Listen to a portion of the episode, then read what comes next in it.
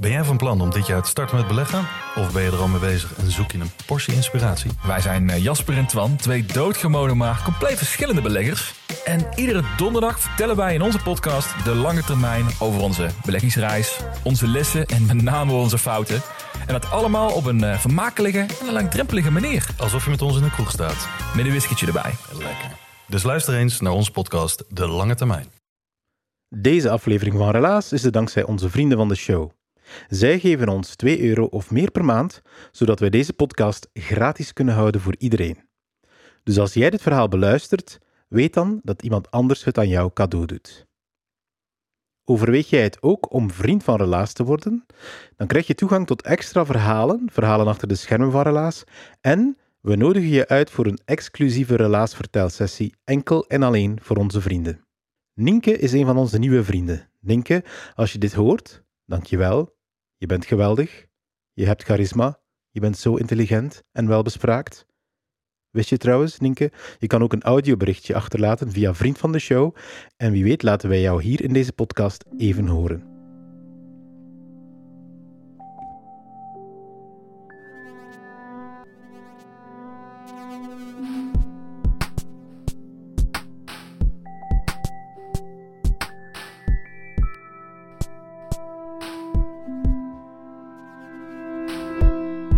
Ik ben Pieter van Relaas.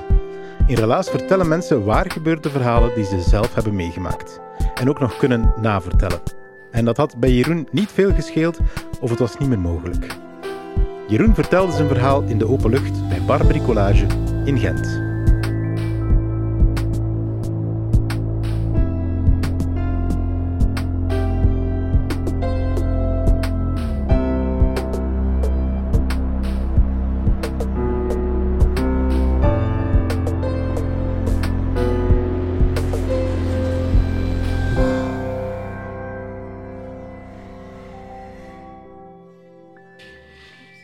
Ben tien jaar en ik zit in de klas bij juffrouw Francine.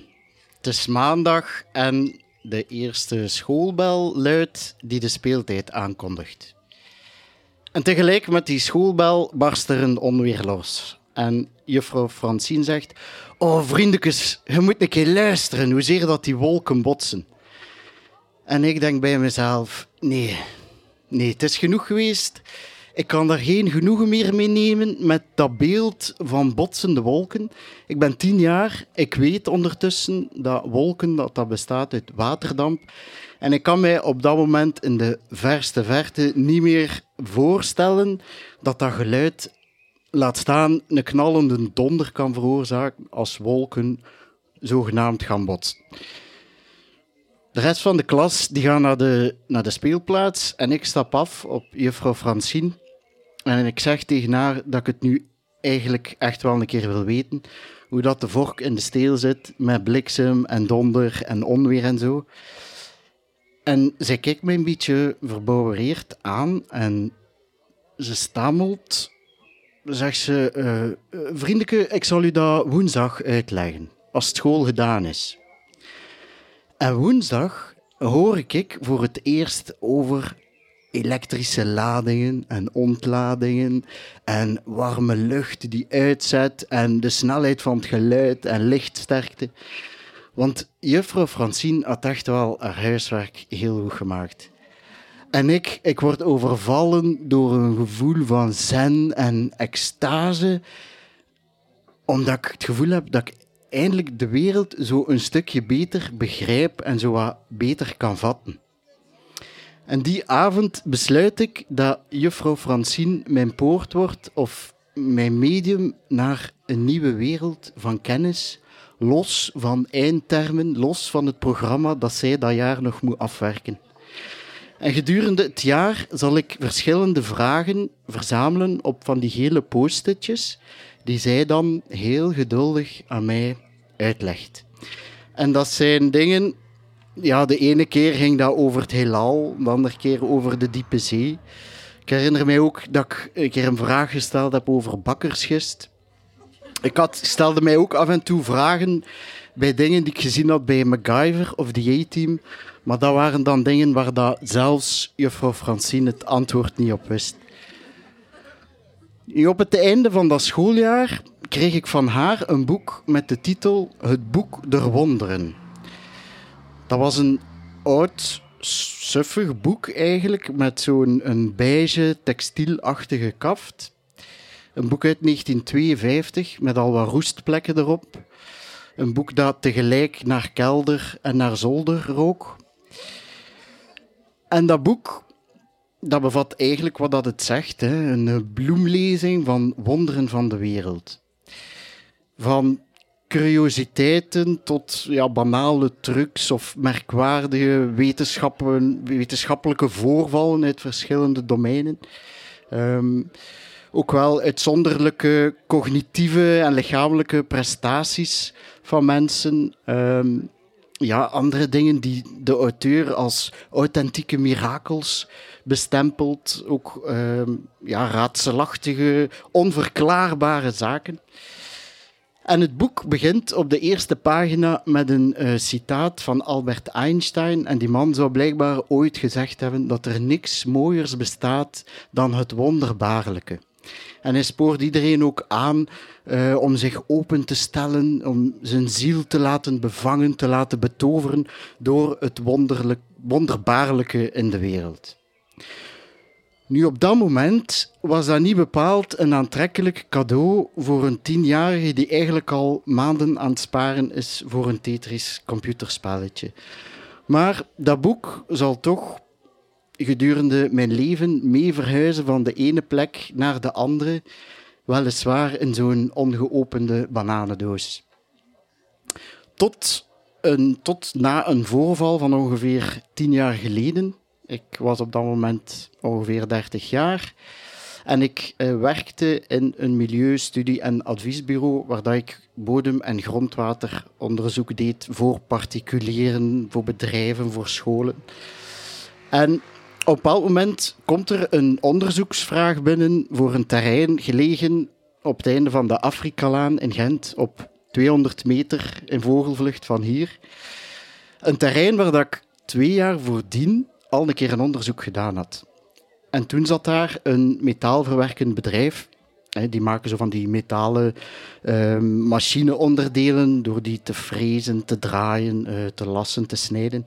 En ze gebruiken daarbij een specifieke snijolie. En de geur van die snijolie kan ik nog altijd oproepen. Dat was een hele indringende geur, een beetje zoet, maar ook wel industrieel aantrekkelijk, maar ook afstotend eigenlijk. Eh, alsof dat je een, een vers gebakken frangipannetaart zou overgieten met motorolie en dan nog zo wat topping van metaalvezel erover zou doen. Zoiets. En die geur was ook het eerste wat mij opviel eh, als ik terug in dat magazijn stond. Dus goed, ehm, ondertussen, dat metaalverwerkend bedrijf was verhuisd. En de, nieuwe, de nieuwe eigenaar die had dat magazijn in twee gesplitst. Die had daar een muur tussen gezet. En het rechterstuk van dat magazijn had hij ondertussen verhuurd aan Luxauto. Zo'n bedrijfje dat voertuigen, personenvoertuigen, camionettes, verhuiswagens vervoert. En het andere deel van het magazijn stond volledig leeg. Hij had daar een nieuwe vloer gelegd, die muren waren geschilderd. Ehm, de week voordien waren ze net de nutsleidingen komen aansluiten. Elektriek, gas, water. Hè. zodanig dat de nieuwe huurder er snel kon intrekken. Maar er was eerst nog een bodemonderzoek nodig. En ja, die man kon zelf, de eigenaar kon zelf niet aanwezig zijn op het moment van het bodemonderzoek. Maar hij had gezegd tegen mij: Je mocht de sleutel gaan ophalen in een kantoortje aan de overkant van de straat. Zo gezegd, zo gedaan. Ik ging de sleutel gaan ophalen. En voordat ik binnen ging in het magazijn, dacht ik: Ik ga eerst die mensen van Luxauto op de hoogte brengen. Want als je een bodemonderzoek uitvoert, dat kan soms nieuwsgierige reacties uh, uitlokken. Uh, of mensen zijn soms ongerust. Of ze komen grappige vragen stellen, zoals: Ben je naar olie aan het boren? Of zoek je dinosaurusbotten en zo. Dus, dus ik ging eerst binnen in dat kantoor van Luxauto. Ehm, ja, en ondertussen begon die site ook te leven daar. Hè. Eh, de eerste klanten kwamen toe, kwamen mensen een verhuiswagen terugbrengen, anderen kwamen er een halen. Die mechaniekers waren bezig met auto's te herstellen, auto's te wassen.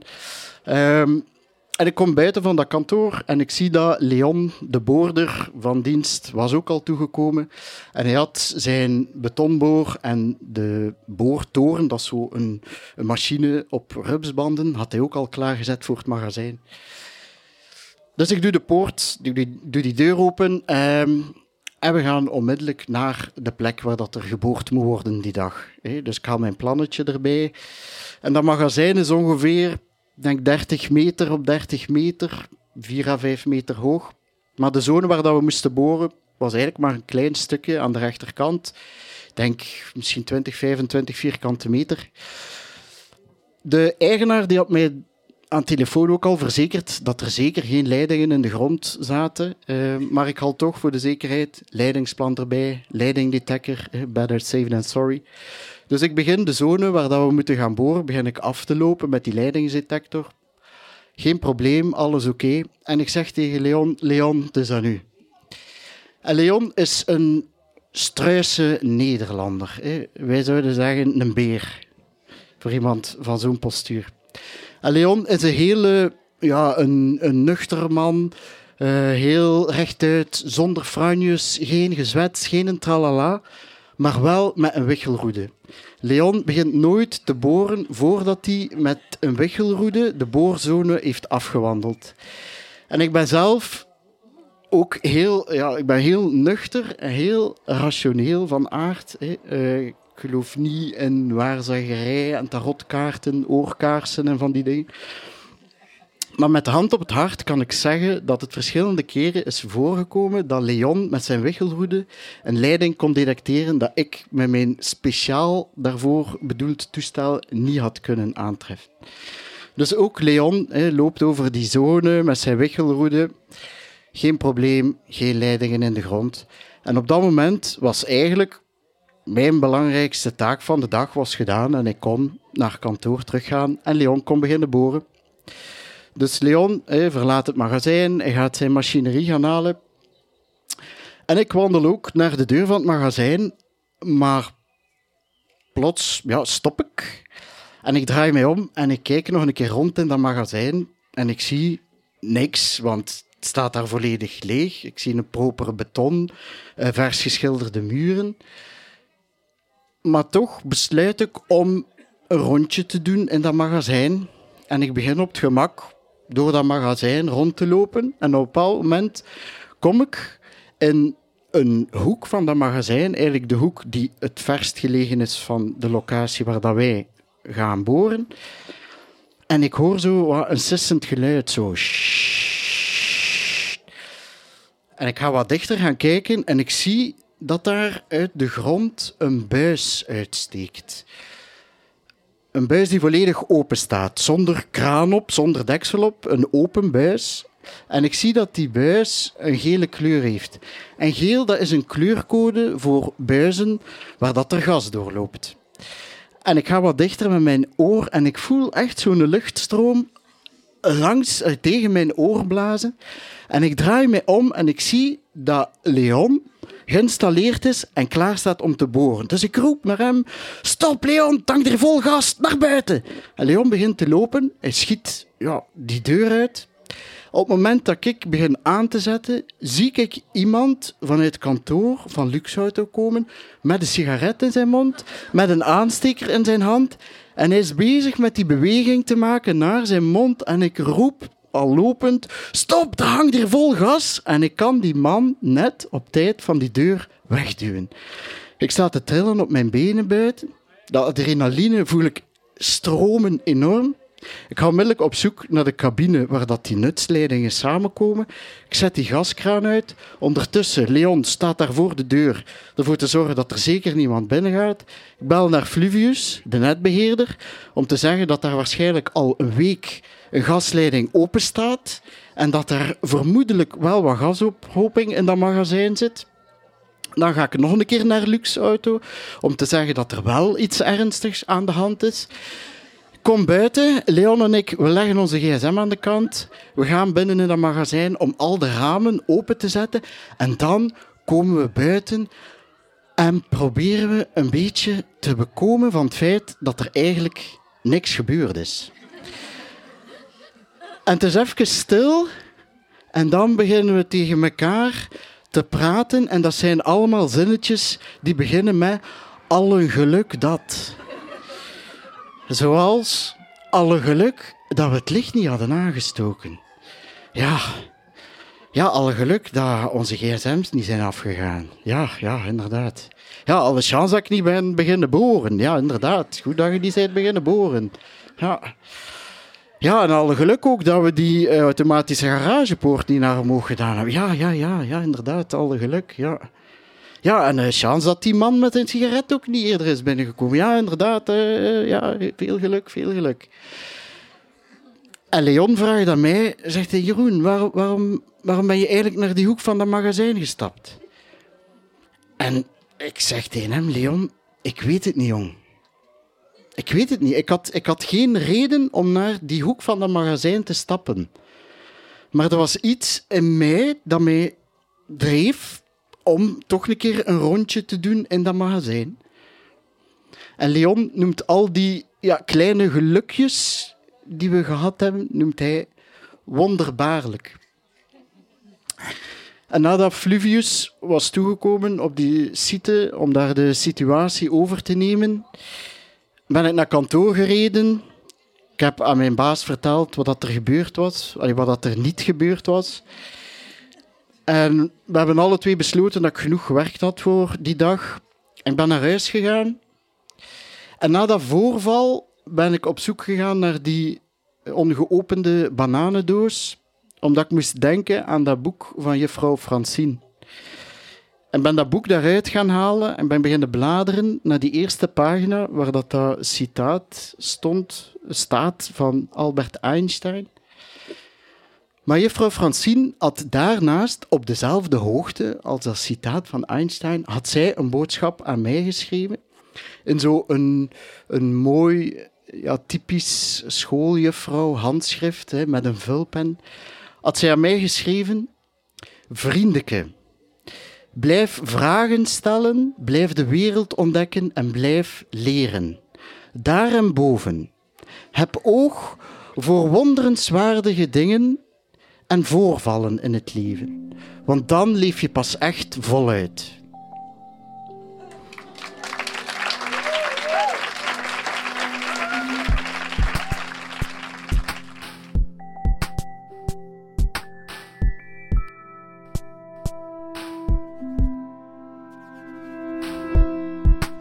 Dat was het relaas van Jeroen. Hij heeft het verteld bij Bar Bricolage in Gent. We gaan daar elk jaar eens langs en dan is het altijd bang afwachten voor het weer. Maar kijk, het is gelukt in open air. Het was een beetje een wisselvallige dag, maar we zaten knus bij elkaar. Het was echt een mooie avond. En ik wens iedereen trouwens zo'n juffrouw Francine toe. Zo'n leerkracht die de extra maal gaat om de nieuwsgierigheid van uh, kinderen te laten voeden. Als je zelf trouwens een verhaal hebt over iemand die voor jou heel veel betekend heeft en dus een grote stempel heeft gedrukt, en het is misschien niet je mama of zo, laat het dan zeker weten. Wij helpen jou om de puntjes met elkaar te verbinden en om een heel mooi uitgewerkt verhaal te brengen op ons relaaspodium. Wij bestaan dankzij de steun van de afdeling cultuur van de stad Gent, dankzij onze storytelling-projecten, die doen we een beetje overal in Vlaanderen. Dus als je er ook eentje wil, laat ons gerust iets weten. En ook dankzij onze vrienden van de show. Dat zijn jullie, onze luisteraars, of toch die die elke maand 2 euro of meer aan ons gunnen. Wij appreciëren jullie zo hard, dankjewel.